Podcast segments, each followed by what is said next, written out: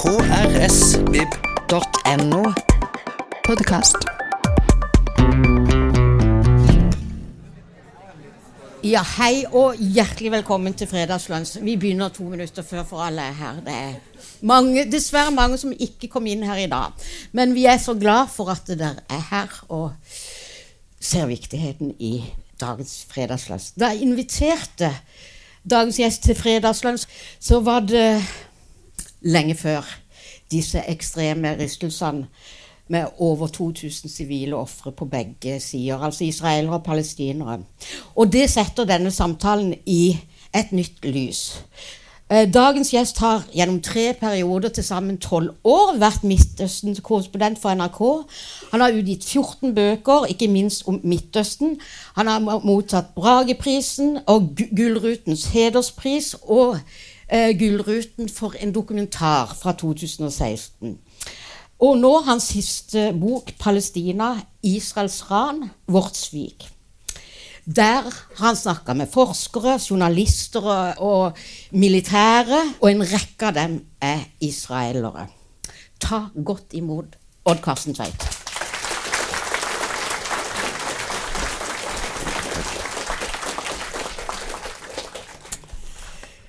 Ja, velkommen og takk for at du er her, Odd Karsten Tveit. Og du har sagt det eneste sikre i Midtøsten er at noe uventet vil skje. Og det skjedde nå. Hvordan var det å våkne opp eh, til nyhetsbildet på lørdag? Det var et totalt sjokk. Men slutten på boka mi er nemlig at det dukker opp en svart svane. Før eller siden. Helt uventet.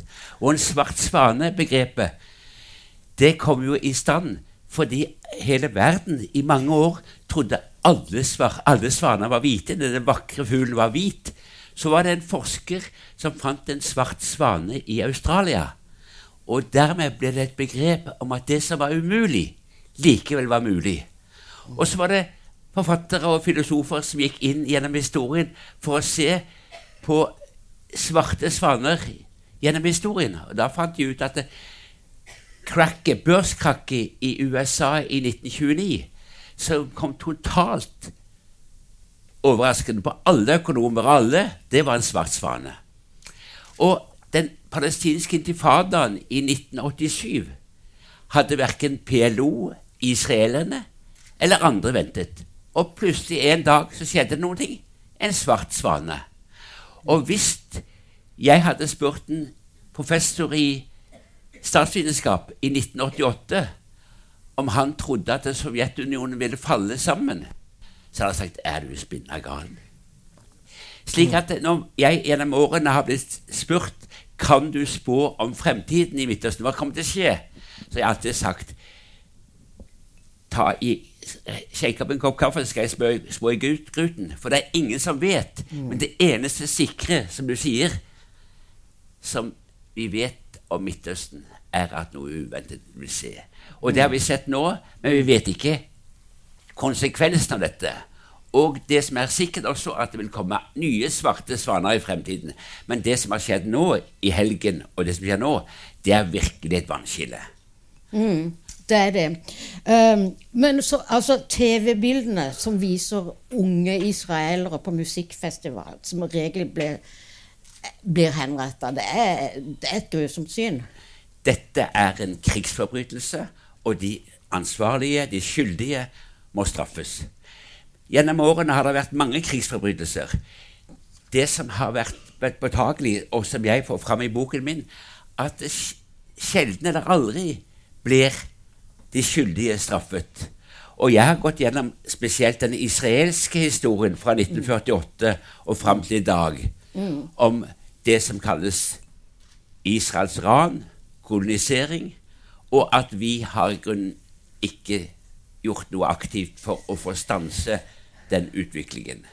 Men så, altså, et vannskille her, for vi kommer jo inn på eh, masse men, Hvis vi bare Vi begynner litt med i dag, så går vi tilbake, og så ender vi i dag igjen, tenkte jeg. Um, um, altså, det er jo første gang siden 49 at palestinske militanter har hatt kontroll over sivile sentre i Israels territorium. Det er det som er det store sjokket ikke bare for israelerne, men for hele verden, at Israel, palestinske militanter har gått inn og tatt en del av Israel. I 1973, da Egypt og Syria invaderte Gaza, nei, invaderte eh, Sinai-halvøya og Golanhøydene, så var ikke det for å krige mot Israel. Det var for å krige mot okkupasjonsmakten Israel, for å ta tilbake de områdene de hadde tapt i 67-krigen. Og det var også en svart svane som virkelig sjokkerte Israel. Ja, de, kom, de, de ble tatt på senga der òg. De ble tatt på senga der, og det førte til at statsminister Golda Meir måtte gå. Og det ble et stort oppvask. Og vi kan bare vente og se hva som skjer etter denne. Men altså, det som vi bare må gjøre helt klart, for jeg ser, det kommer jo sånne eh, kommentarer og sånn Det som er helt klart, at du tar avstand fra angrepet mot Jeg tar avstand fra all vold mot sivile. Uansett hvem som gjør dette, så må det fordømmes. Og det må fordømmes, for dette er krigsforbrytelser. Men det vi ser videre nå, som skjer i Gaza, Ja. det kan også være forbrytelser mot menneskerettigheten. Mennesket er en, en virkelig med enda et hakk opp av en krigsforbrytelse. Men jeg er veldig forsiktig med å være så sikker på det som skjer nå, for nå er vi i en blodtåke. Og det er så mange usikre informasjoner og så mange løgner som kommer ut. Så jeg har i alle år hatt et litt sitat på mitt kontor som er fra Nietzsche, om at det stater og maktapparatet aldri har vært interessert i sannheten, bare interessert i det som passer den, enten det er løgn, halvsant eller sant. Så alt vi hører nå, både fra israelsk side og fra Hamas side og andre, må vi ta med en klype salt. For nå er det veldig usikkert, og det er også en propagandakrig i tillegg til den krigen som er på bakken. Men du vil altså ikke bruke begrepet terror. Jeg kan godt bruke begrepet terror, men jeg syns begrepet er som et ullteppe over det som skjer. Jeg vil vite hva er terroren? Er det bomber som bomber sivile? Er det geværmenn som dreper sivile? Er det knivstikkere? Terrorbegrepet blir et ullteppe, det blir et sekkebegrep. Ja. Jeg vil fortelle hva er det som skjer, og fordømme Ja. alt som skjer mot sivile. Og Men så foretrekker du kanskje å bruke begrepet krigsforbrytelser. Ja, det er det er også fortelle hva disse krigsforbrytelsene Mm, går ut på. ja. Det er veldig viktig. Alle år har jeg tenkt på dette. Det er viktig å fortelle, gi innsyn, og at det, også de som jeg snakker med og, og skriver for, får et innsyn i hvor jeg har ting fra. For i denne boka har jeg vært veldig opptatt av å dokumentere ved hjelp av fotnoter, ved hjelp av sitater fra hvor har jeg dette fra. For her er det mye, mye virkelig overraskende stoff for mange. Det er det. Og vi rekker inn på noe, men det, det, det er masse lesning igjen etter vi er ferdig. Men, men det er, dette blir ofte kalt verdens vanskeligste konflikt. Men konflikt er også et begrep du ikke vil Helt enig. Konflikt er et sekkebegrep som ikke forklarer noen ting. Kall det det det er. Israels okkupasjon og kolonisering og fordrivelse. Det er Mm. det. Er ikke en konflikt. Det er okkupasjon, fordrivelse, kolonisering. Uh, Man har spurt seg hvordan det var mulig for Hamas å gjennomføre dette fra Gaza, som egentlig er hermetisk eh, lukka mot israelere, som har et rakettforsvarssystem i, i verdensklasse. Ja, her er det mange spekulasjoner om, om det var Iran som sto bak dette og hjalp palestinerne, eller om palestinerne klarte å, å slå ut alle disse elektro elektroniske systemene. Men dette vet, vet vi for lite om. Det eneste vi vet, er at Israel ble tatt på senga, og det var en høytid. Og på forhånd hadde israelerne flyttet my mye av sine soldater over på Vestbredden. For der har det vært kokt i den siste tiden med væpnede settlere som har angrepet palestinere og fordrevet dem fra sine hjem. Beskyttet av hæren. Så mange spekulerer, igjen spekulasjoner, om at dette kan være av, en av grunnene til at, det- de gikk som rett inn de, med gammeldagse bulldosere gjennom denne såkalte helt garantert sikre grensen. Men altså, du var inne på det som også kalles, oktoberkrigen i 1973. For dette som skjedde nå lørdag, da, er jo innenfor døgnet 50 år siden det skjedde. Det er jo en stor symbolikk, men er det bare tilfeldigheter? Det vet jeg ikke. Nei, det, kan, det kan være symbolsk, men det kan også være tilfeldigheter. Ja. Mm. Både oktoberkrigen i 1973 og denne okkupasjonen av israelsk land av Hamas skjedde i en høytid. Yom Kippur var den aller, høy, aller helligste høytiden som israelerne har, der Israel var lukket fordi at eh, alle feiret. Og nå var det også ferie for mange israelske soldater som var kommet på permisjon, og Israel ikke var forberedt. Og I tillegg skjedde det på en lørdag morgen, en sabbat, der også Israel nærmest var lukket.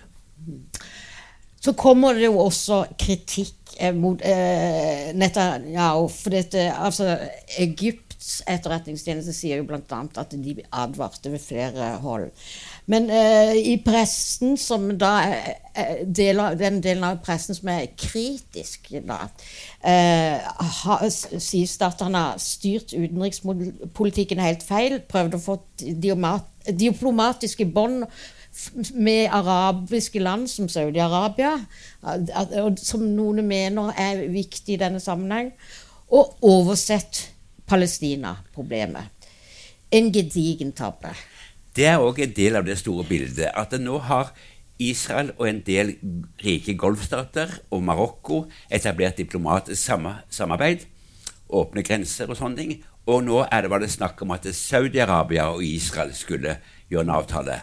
Mens palestinerne var helt glemt. De, var lagt i fryseboksen. Og det, dette var også et element i tankegangen. Vi er her. Vi vil ikke det sidesatt. sidesatt. Dere må ikke glemme oss. Så der er òg et element i det store bildet. Og den eh, veldig anerkjente og prisbelønte israelske forfatter og journalist Jossi Melman mener at eh, det er noe ordentlig galt når ikke Netanyahu som landets leder henvender seg til media før det går 55 timer. Ja, det blir alltid mye kritikk mot Netanyahu når noe galt går. Og Netanyahu er den statsministeren som har sittet lengst i Israel og har vært en mester til å overleve alle kriser. Og, men nå får vi se om han klarer dette òg. For, for, for Israels regjering og Israels forsvar er nå blottstilt, og det er så dramatisk i Israel at vi vet ikke konsekvensene.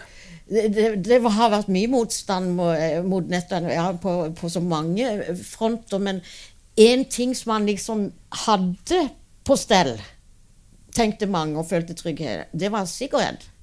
Ja, og demonstrasjonene i over 30 uker i Israel, der hundretusener av israelere har gått ut og protestert mot regjeringen, er fordi at Netanyahu for å overleve allierte seg med ytterst, ytterst, ytterste høyre, som var interessert i kanskje ikke bare å å, å, å annektere Vestbredden og gjøre det om til en, del av staten Israel. Men de òg gjennomførte et kupp, et, et, et juridisk kupp, som gjorde at eh, Israel ikke lenger skulle forbli en slags demokratisk stat. De skulle ta over makten fra domstolene, og det protesterte israelerne på. Men de protesterte ikke. Det var ikke fordi at palestinerne ble okkupert og, og, og, kolonisert. Det var fordi de var redd for sin egen sikkerhet, at opposisjonen i Israel kanskje skulle bli utsatt for å bli fengslet bare fordi de var i opposisjon mot israelske regjeringen. Det er det elementet. Det var ikke palestinerne her, det var mot det juridiske kuppet. På tirsdag så sto Israels forsvarsminister ved grensegjerdet til Gaza og sa Hamas ønsker endring. Det skal de få. Det som var i Gaza, det som var i Gaza, kommer ikke til å være der i fremtiden. Eh, Gaza er altså mindre enn Oslo og mindre enn Bergen, som Mjøsa ble det. Ja, Gazastripen er like stor som Mjøsa, og der bor det 2,3 millioner. Ja. Og av disse er over 50% under 18 år. Så dette er en krig ikke bare mot Hamas, militsen, men en krig mot barn i Gaza. For nå, bombes, nå teppebombes det, og hele, hele området ble lagt i ruiner. I de tidligere årene vi har sett på 20-tallet, har vi sett diverse kriger, bombardementer for, mot Gaza. Og det har vært en dok doktrine i Israel. Og de har kalt den doktrinen klippeplenen-doktrinen. Og vi tenker da selvfølgelig på at vi skal holde hagene våre i, i stand med å klippe plenen med jevne mellomrom. Men der var det snakk om at de skulle bombardere Gaza med jevne mellomrom for at eh, folk i Gaza ikke skulle få et normalt liv, ikke skulle bygge seg opp igjen. De klarte å bygge seg opp igjen ved hjelp av utenlandsk hjelp, og så var det bombing igjen. Men nå er det en ny setting, for nå er det ikke snakk om bare å klippe plenen. Nå er det snakk om kanskje å ødelegge hele områder. Og de har bedt nå palestinerne som bor i Nord-Gaza, å flytte sørover, fordi man forbereder kanskje en bakkeinvasjon. Men der er det også delte meninger. Fordi en bakkeinvasjon med israelske soldater, det er det Hamas på mange måter har forutsett og helt sikkert forberedt seg på. Og det betyr at det, det, om Hamas blir drept, så dreper Hamas-geriljaen blir drept, så blir mange israelske soldater drept. Og da blir, kan stemningen i Israel fort snudd, bli snudd. For da er det ikke bare de sivile som ble drept, 1500 sivile som ble drept. Nå blir det soldater som ble drept en masse. Så dette er òg en avveiing. Gaza har jo vært sånn hermetisk lukka. Det har vært et fengsel de ikke kan komme ut på i 17 år. Men nå er det at nå er det stoppa all innførsel av mat, vann, strøm og drivstoff. Uh, og bortimot 300 000 er nå fordrevne fra deres hjem, som er utsletta. Det er en uh, ekstrem situasjon. Ja, nå er det bilder som kan minne om bombingen av Dresden i annen verdenskrig. Det er hele kvartaler som ligger flatt. Men det har det vært også før, i mindre omfang. Da jeg dekket den siste krigen i Gaza i 2014, så var det også hele kvartaler, som Kristiansand sentrum, som var helt flatt. Og så har de klart å bygge det opp igjen. Nå er det igjen flatt. Men enda større områder legges flatt. Så dette er en ikke en human katastrofe. Det er et, mer enn et jord, som om et jordskjelv har gått over hele Gaza.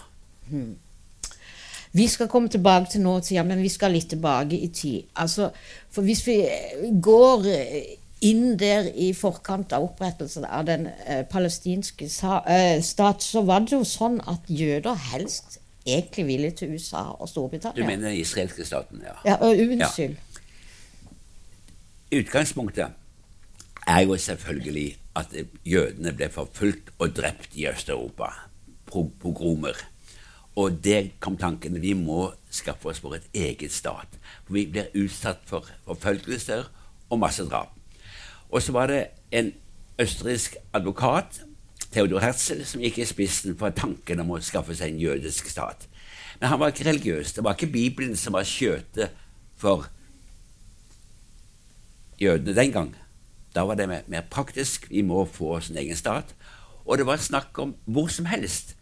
Det ble vedtatt på en konferanse, en kongress, at de skulle forsøke å lage en jødisk stat i Øst-Europa, i det som i dag er Uganda, tidligere området i Rhodesia. Men det ble lagt vekk, ikke fordi at det, det bodde innfødte der fra før av som det ble kastet vekk. Det ble da lagt vekk fordi at det var eh, hvite settlere fra Europa som hadde etablert seg der. Og de ville ikke komme i konflikt med hvite settlere. Derfor ble den lagt vekk. Og så ble det snakk om Sør-Amerika, men så endte det opp med at eh, vi ville komme tilbake til Palestina, som da var en del av det osmanske riket. Og da britene og franskmennene i 1917-18 vant over sultanen i Istanbul og tok over området, så fikk jødene, sionistene, et løfte om at eh, Storbritannia skulle hjelpe dem til å få en egen stat i Palestina. Så det var bakgrunnen. Og eh, FNs generalforsamling kom med, men den var ikke juridisk bindende, anbefaling om at Palestina skulle deles i to. Ja, det kom etterpå. Fordi Ja. at det, på 30-tallet, 20-tallet og 30-tallet, så var det mange palestinere som ikke som så med skrekk og gru på invasjonen av jøder fra Europa, sionister fra Europa. Så de sloss mot britene, som slapp de inn. Og de sionistiske organisasjonene de slåss mot britene for å få de ut fortest mulig. Så etter først annen verdenskrig så var britene krigstrette, og de var lei av å slåss også i Palestina, så de overlot problemet til FN. Og Trygve Lie han hadde da tatt eden om at han skulle være en uhildet generalsekretær som ikke skulle ta ordre fra noen land eller noen organisasjoner, men i all hemmelighet så samarbeidet med sionistene og la alt til rette for at FN skulle foreslå at Palestina ble delt i to stater. Mens andre, særlig palestinerne, ville ha en demokratisk stat for alle, kanskje med kantoner for jøder og kantoner for palestinere, kristne som muslimer. Men det ble ikke vedtatt i FN. Så er som du sier, de kom med et forslag, ikke bindende forslag, om at eh, de skulle dele landet. Og så etablerte Israel seg selv som en stat 14. Januar, 14. mai 1948. Ja. Trygve Lie hadde vel med sionistene hjem til på kjøkkenet? på Ja, det var, jeg har dokumentert i en tidligere bok alt det bakspillet der. Mm, Og Trygve Lie ble sett på som Israels gudfar, Mm, sa første utenriksministeren i Israel, eller en av de første utenriksministrene i Israel. Mm. Han ble sett på og hadde hjulpet sionistene til å etablere seg. Så Ja. der, har, der kom òg en del av et element i boka mi, 'Vårt svik'. Mm. Vi har hele tiden vært med og sviktet palestinerne.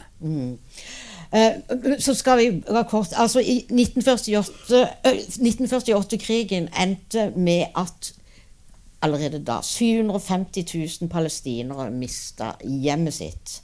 Al-Nakba ble det eh, kalt. Altså en katastrofe på, på arabisk. Men eh, så går vi bare For å skaffe ryggdekning for at Israel tok over mest mulig av palestinsk land og eiendom i Israel, vedtok Kness, altså nasjonalforsamlingen, i Israel i 1950 fra fraværende planen. Ja. Fraværende loven var slik at eh, Israel, når de etablerte seg som stat, så sa israelske advokater eller, vi må lage grenser. Enhver stat må ha faste grenser. Men statsminister Ben Gurion sa nei. For denne første delingsplanene, eller det første skrittet Han sa de, de grensene de skal ikke være evige. Vi skal ta mer land. Og det viste også at eh, israelske styrker, eller sionistiske styrker, før staten Israel var kommet på kartet, gikk på offensiven og tok områder som ifølge FNs plan var tildelt den arabiske siden. Så den dag i dag har fremdeles ikke Israel faste grenser. Det som vi ser på som grensene, er våpenhvilegrenser som ble vedtatt når det var slutt på, på krigene i 1949. Men det er òg et element i dagens regjering i Israel. De ytterliggående høyresiden de er ikke fornøyd engang med å ta inn Vestbredden i Israel. Altså eh, lage en én stat av alt som er okkupert i Israel. Noen går talerstolen i Europa og med kart i bakgrunnen som viser at selv områder i det som er i Jordan og Syria, skal vi ta. Så vi har ennå ikke sett slutten på ambisjonen om å lage det bibelske store Israel, Eretz Israel. Og det òg er interessant som bakteppe for det som skjer i dag. Palestinerne ser at her er det ikke noe som er gjort ferdig. Israel er ikke fornøyd med det de har, og vi er i ferd med å bli slettet fra kartet. 750 000 til 800 000 ble fordrevet i 1948-49. Og 500 palestinske landsbyer ble jevnt med jorden etter hvert. Og det er interessant at i dag diskuterer de også har Israel vært en apartheidstat allerede fra, fra 1948. Og så sier de ja, fordi allerede da Israel ble, kom på kartet, så ble de palestinske innbyggerne av Israel, de som klarte å holde, holde seg tilbake, bare igjen, ca. 150 000, de ble underlagt militære lover. De fikk ikke lov å reise ut fra landsbyene sine. De måtte be om tillatelse for alt de skulle gjøre. Men det ble slutt i 1996. Og så spør mange hvorfor ble det slutt da? Jo, for da var alle de 500 palestinske landsbyene jevnet med jorden. Og da hadde de interne flyktningene ikke noe sted å komme tilbake til. Men selv etter dette så har det vært to lover, to sett lover for israelerne og palestinerne i Israel, og helt virkelig demonstrert på Vestbredden og i Øst-Jerusalem hvordan israelske jødiske statsborgere er i én klasse, mm. palestinerne i en annen. De er underlagt andre militære lover. Mm. Så i dag er det nesten ingen som vil på Ja, det er ingen akademikere som er, går inn i dette, her, få akademikere som går inn i dette, som ikke mener at Israel driver en apartheidpolitikk på Vestbredden.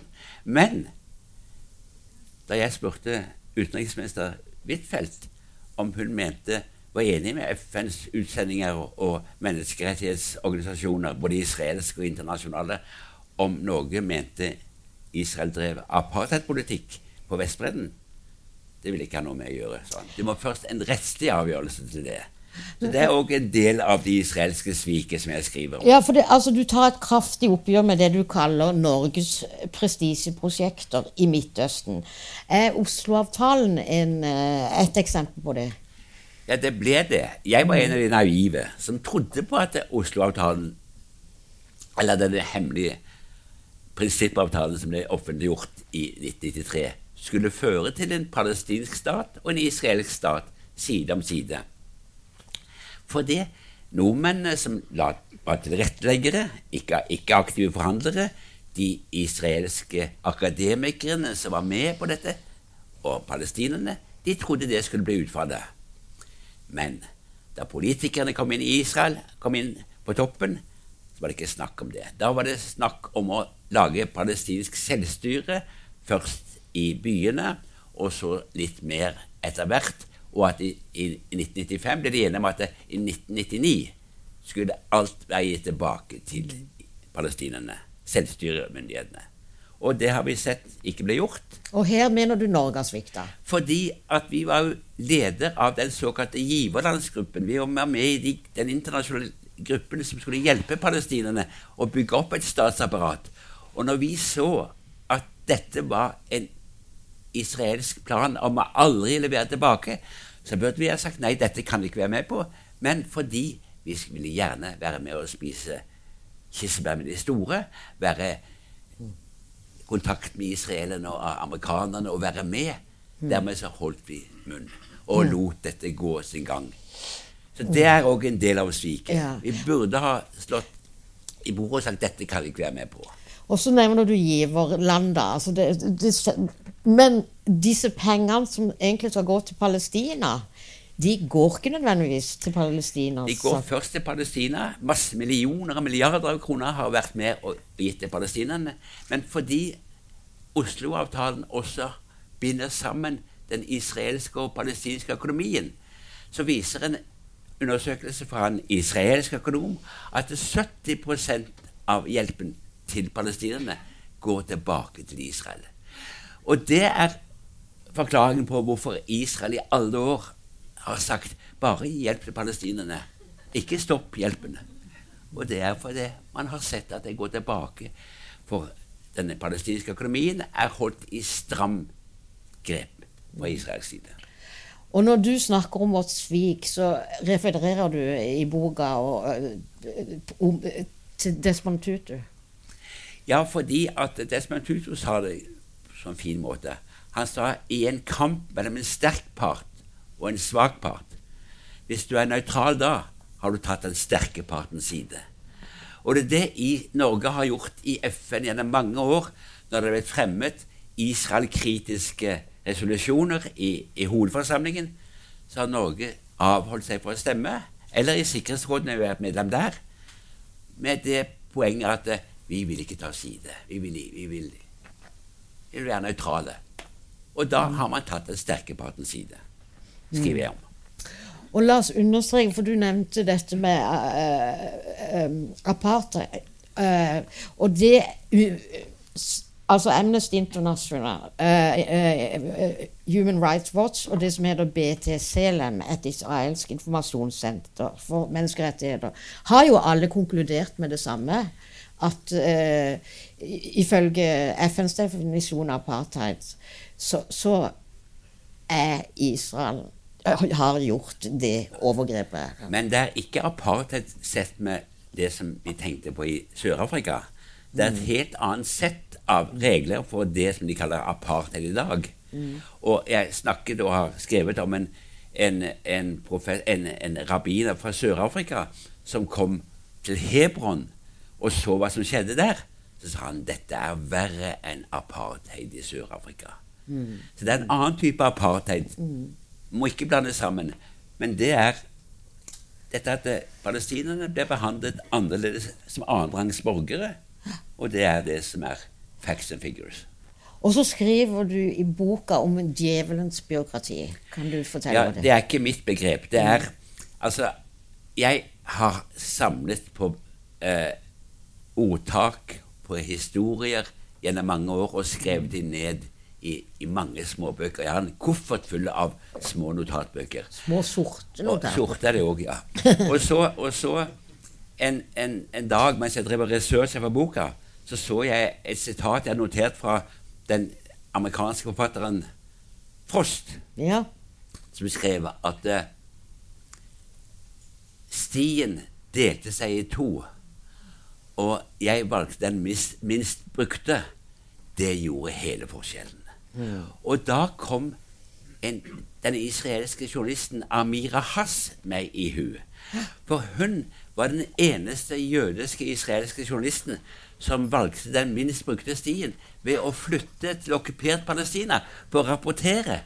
For hun sa at vi i Israel får bare bruddstykker av det som skjer. Vi får ikke skikkelige informasjoner. Og hun har senere blitt en av verdens mest liksom, berømte og, og, og prisbelønte israelske journalister. Som jeg har heldigvis hatt tilgang til og snakket mye med henne. Og en annen israelsk journalist som heter Gideon Levi, som også har vært ute i felten hele tiden og skriver og blir utsatt for forfølgelser, Begge to de blir virkelig forfulgt. Gideon Levi måtte en periode ha væpnede vakter da han gikk rundt i Israel. Mm. Så sånn har det vært for de. Men de har stått på og vært med og åpnet bildet for oss som står utenfor. Ja, Og så er det jo rystende lesning når du skriver om to israelere. altså Historieprofessor Benny Morris og doktorgradsstipend Tama Morris, som av, har avdekka med at det er mer enn, enn en million dokumenter som er blitt fjerna av en spesialenhet i Forsvarsdepartementet om krigsforbrytelser og massakrer. Ja, Det er også interessant, for at det, også i Israel sier vi vi nedgraderer dokumenter etter 30 eller etter 50 år. Og det gjorde de delvis. Men så fant de ut at de ville ikke at forskere skulle gå inn og se på de originale dokumentene så de tok de vekk. Men så var det heldigvis noen som klarte å finne andre veier rundt og avdekke det likevel. Og så spurte de hvorfor er det slik at dere tar vekk dokumenter og ikke lar oss forskere få se det. Så var det direktøren som sa det rett ut. Jo, fordi vi mener at når de originale dokumentene ikke er tilgjengelige for dere, så må dere skrive av andre vitner eller andre som har sett tidligere dokumenter. Og da er ikke det lenger så troverdig som hvis dere ser de originale dokumentene. Et eksempel er en landsby som heter Der Yasin, der israelske eller sionistiske styrker i april 1948, før staten var etablert, massakrerte over 100 palestinere. Barn og kvinner. Det ble beskrevet til og med at noen av de palestinerne ble bundet til trær og tent fyr på. Så dette var det ingen som trodde på. Men så var det en som gikk inn og forsøkte å få tak i dokumentene. Fikk ikke. Gikk til rettssak, og den kom opp til Høyesterett. Og Høyesterett bestemte nei, de dokumentene skal ikke offentliggjøres. Fordi det kan skade Israels omdømme. Så sånn er det. Men heldigvis er det så mange dyktige israelske forskere og journalister at det er alltid en vei utenom. F.eks. når de dokumentene er skjult i de offentlige arkivene, så finnes det referater f.eks. fra partikongresser, partimøter, regjeringsmøter, som andre har skrevet ned som dagboknotater eller andre, og så blir det avslørt likevel. Så dette er takket være mange israelske forskere at det er blitt avslørt. Tempelhøyden, eh, eh, eller Haram al-Sharif, som muslimene eh, sier. Kan du bare beskrive hva tempelhøyden er? Haram al-Sharif betyr på arabisk 'den hellige høyden', og alle arabiskspråklige bruker det begrepet, enten det er kristne eller muslimer. Også jøder som snakker arabisk, kaller det det Haram al-Sharif. Det er den helligste, tredje helligste stedet i islam. Og tidligere har jøder ikke gått opp på den høyden fordi rabbiner har sagt at det, det er så hellig at vi kan ikke tråkke på dette. Men i de senere årene har elementer i Israel som ønsker å jevne hele høyden med jorda. Altså ta ned disse islamske helligdommene. Klippedommen som vi alle kjenner med gull, eller Al-Aqsa-moskeen. De har kommet inn og demonstrert der oppe, og det har vært helt urovekkende for mange palestinere. Og det var òg en trigger, en fyrstikk som ble kasta ut i 2000, som førte til den andre intifadaen.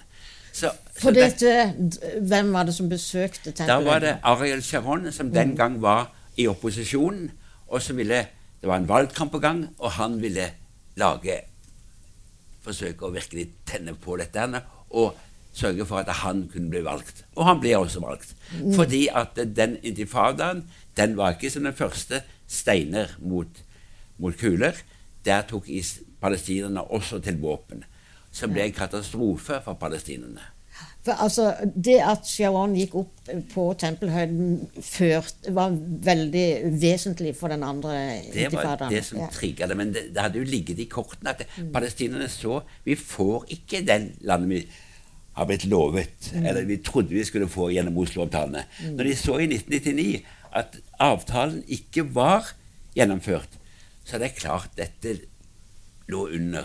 Så det at en, at en fyrstikk blir kastet i ga og gassen eksploderer Og en intifada er vel egentlig et opprør?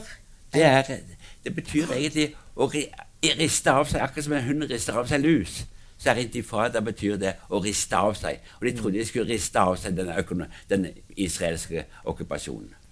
Ja, og, men altså allerede under krigen i 1967, eh, seksdagskrigen, så eh, ville hærens rabbiner slå må, Dette har jeg jo fra boka di. Slå må gården sprenge den muslimske eh, klippedommen med 100 kilo dynamitt. Men Så- det ble stanset av den gang forsvarsminister ja.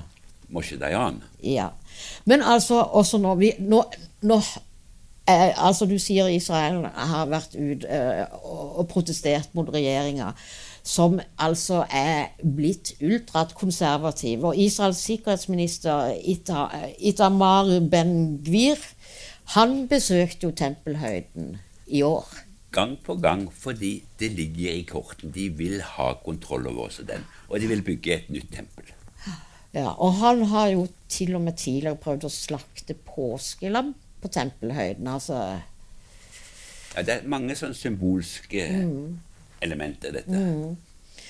Ehm, grunnen til at jeg nevner det, for det er jo også blitt nevnt som en årsak til det som skjedde på lørdag. Men igjen Det, det var det første statementet som Hamas kom ut med, at vi går til angrep fordi vi ser det som skjer på, på den hellige høyden. At Israel er i ferd med å ta over alt. Netanya- Netanyahu har blitt enig med opposisjonsleder Benny Gantz om å danne en kriseregjering og et krigskabinett. Um, uh, samtidig så nekter jo Gantz da å sitte i regjering med høyreradikale. Uh, sånn at eh, nå opererer vi her med to regjeringer Vi vet ingenting. Det er bare snakk foreløpig. Vi har ikke Ja. sett at dette er etablert. Og nå i dette, denne situasjonen nå, så er det krigen mot Gaza som er det viktigste. Så det er mye snakk, og man må ikke tro på alt som blir sagt i nyhetene. Man må vurdere det fordi at man er avhengig av informasjon som av og til ikke er korrekt. Så jeg er så forsiktig med å spekulere, fordi at det, det er så lett å, å gjøre feil. Det er en blodtåke nå, så det gjelder å holde tunga rett i munnen.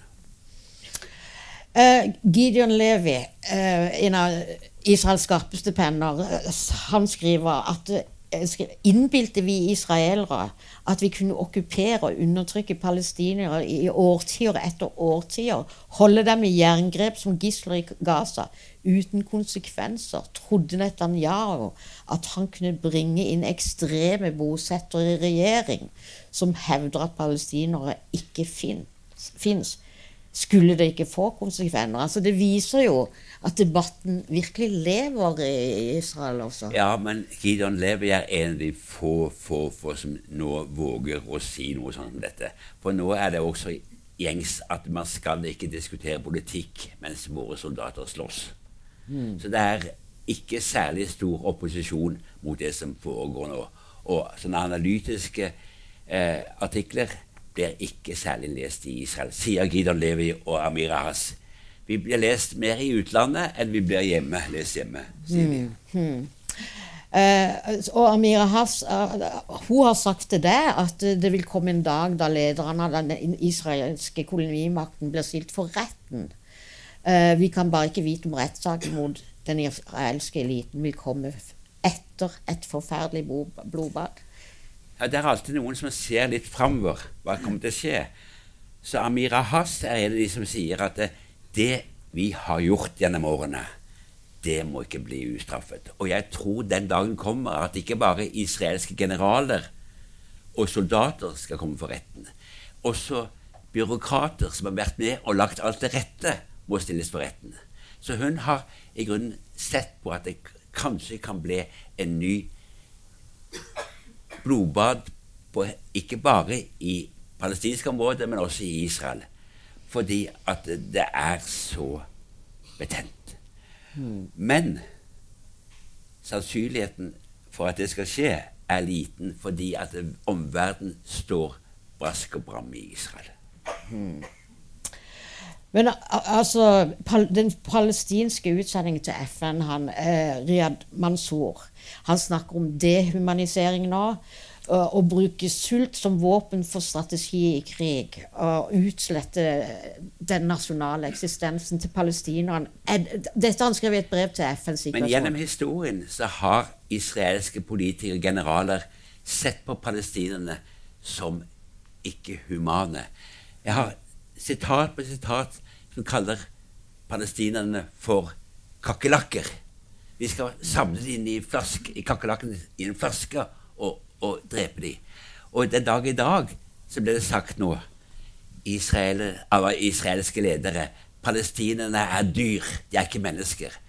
Så nå kan dere tenke deg hvordan stemningen er. Ja, for eh, Noen har lagt merke til at i amerikanske medier så snakkes det om drepte israelitter, men døde palestinere. Ja, det er sikkert alltid eh, Semantikk er viktig. Og disse israelske journalister som er kritiske, de sier ofte at det, det er så stor forskjell at det, når en israelsk soldat blir drept, så, så er det liksom en forklaring at disse palestinerne er nådeløse. Men når en palestinsk tolvåring ble drept, så kaller de det en, en ung mann som, som fortjente å bli drept. Det er, det, er, det er et begrepsapparat som er interessant å følge med. Men her sitter jeg og snakker med store bokstaver, og det er veldig farlig å snakke med store bokstaver. For da mangler jeg alle nyansene. Og det håper jeg at dere skjønner, at det blir ikke nyanser her, som er med i, heldigvis i en bok. Um, men dette som skjedde nå lørdag, det, det, er vel eh, med på å eh, kanskje Altså, det palestinske folk det, det, det, de gjorde på lørdag, bekrefter myter på et vis. Kan vi si det? Absolutt. For mange gjør det det. For mange gjør det det. Og så forstår vi at verden har sterke reaksjoner mot krigshandlingen på lørdag. Men eh, den er jo ensidig, egentlig. Og eh, Sydney-operaen i Australia, Eiffeltårn i Paris, Brandenburger Tor i Berlin, Downing Street 10 og det britiske parlamentet i London, Det hvite hus i Washington og Empire State Building. Hva snakker vi om her? Jo, at de alle opplyste disse bygningene med det israelske flagg.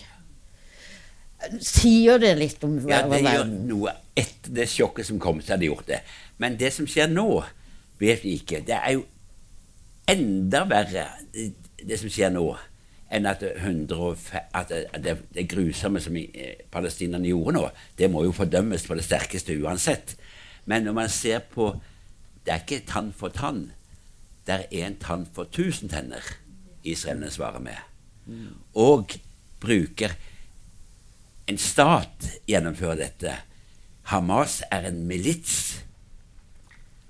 Så man må skille mellom en stats krigføring, selv om også ministers krigføring skal følge folkeretten og stilles til ansvar, så stiller man kanskje større krav til en stat som Israel, at de følger folkeretten. Men det er, har israelerne ikke gjort siden 48 og heller ikke palestinerne. Så det er igjen Det er ikke snakk om balanse her.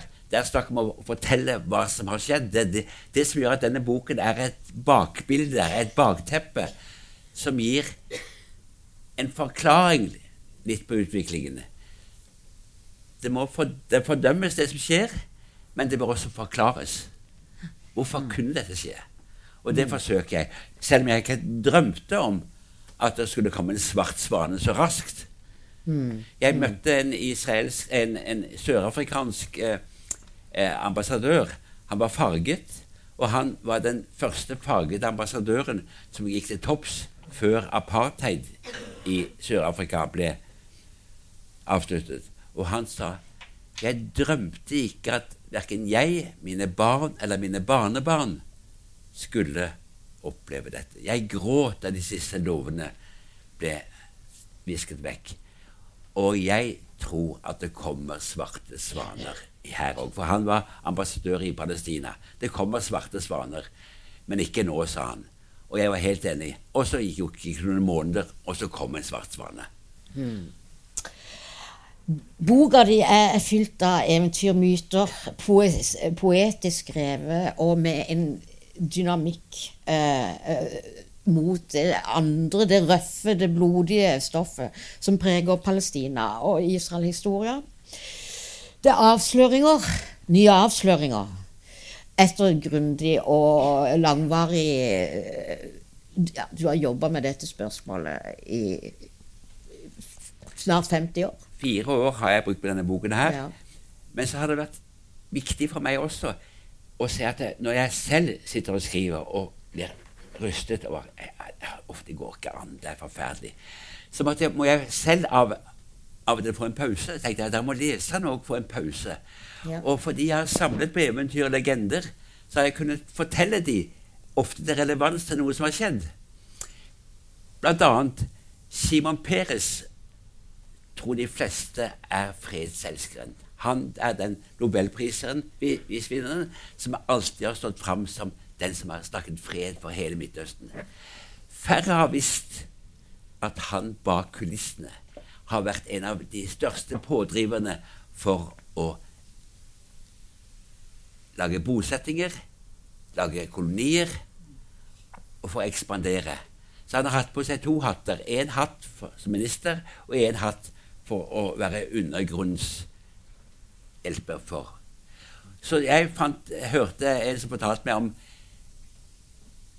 Han så ut som han er en rev. Han er en rev. Og så fant jeg en legende om reven som var så morsom, som illustrerte Peres, men den tar for lang tid å fortelle den her.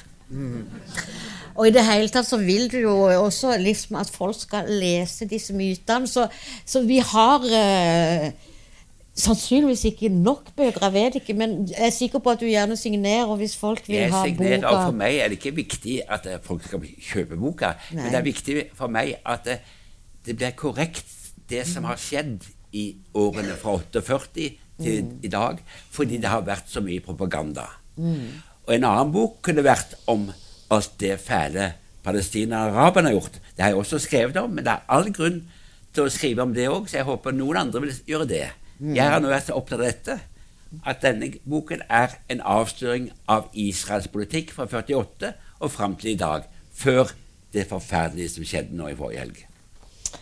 Og eh, Robert Frosts eh, ord som du eh, allerede har sagt, det, det ble altså dine, stien delte seg. Jeg valgte den som var minst brukt. Det gjorde hele forskjellen. Og i norsk sammenheng, jeg ser på eh, i forhold til an, medier i utlandet, og kanskje NRK, så tror jeg du har eh, hatt en, utgjort en stor forskjell. Nei, det vet jeg ikke. Jeg har iallfall gjort så godt jeg kunne. Ja. Og det takker vi deg for. Tusen takk for at dere kom. Tusen takk til deg, Odd. Torkelsson. Flere podkaster fra oss finner du på Google Podkast, Apple Podkast eller iTunes, eller ved å stikke innom vår hjemmeside på krsbib.no. krsvib.no. Podkast.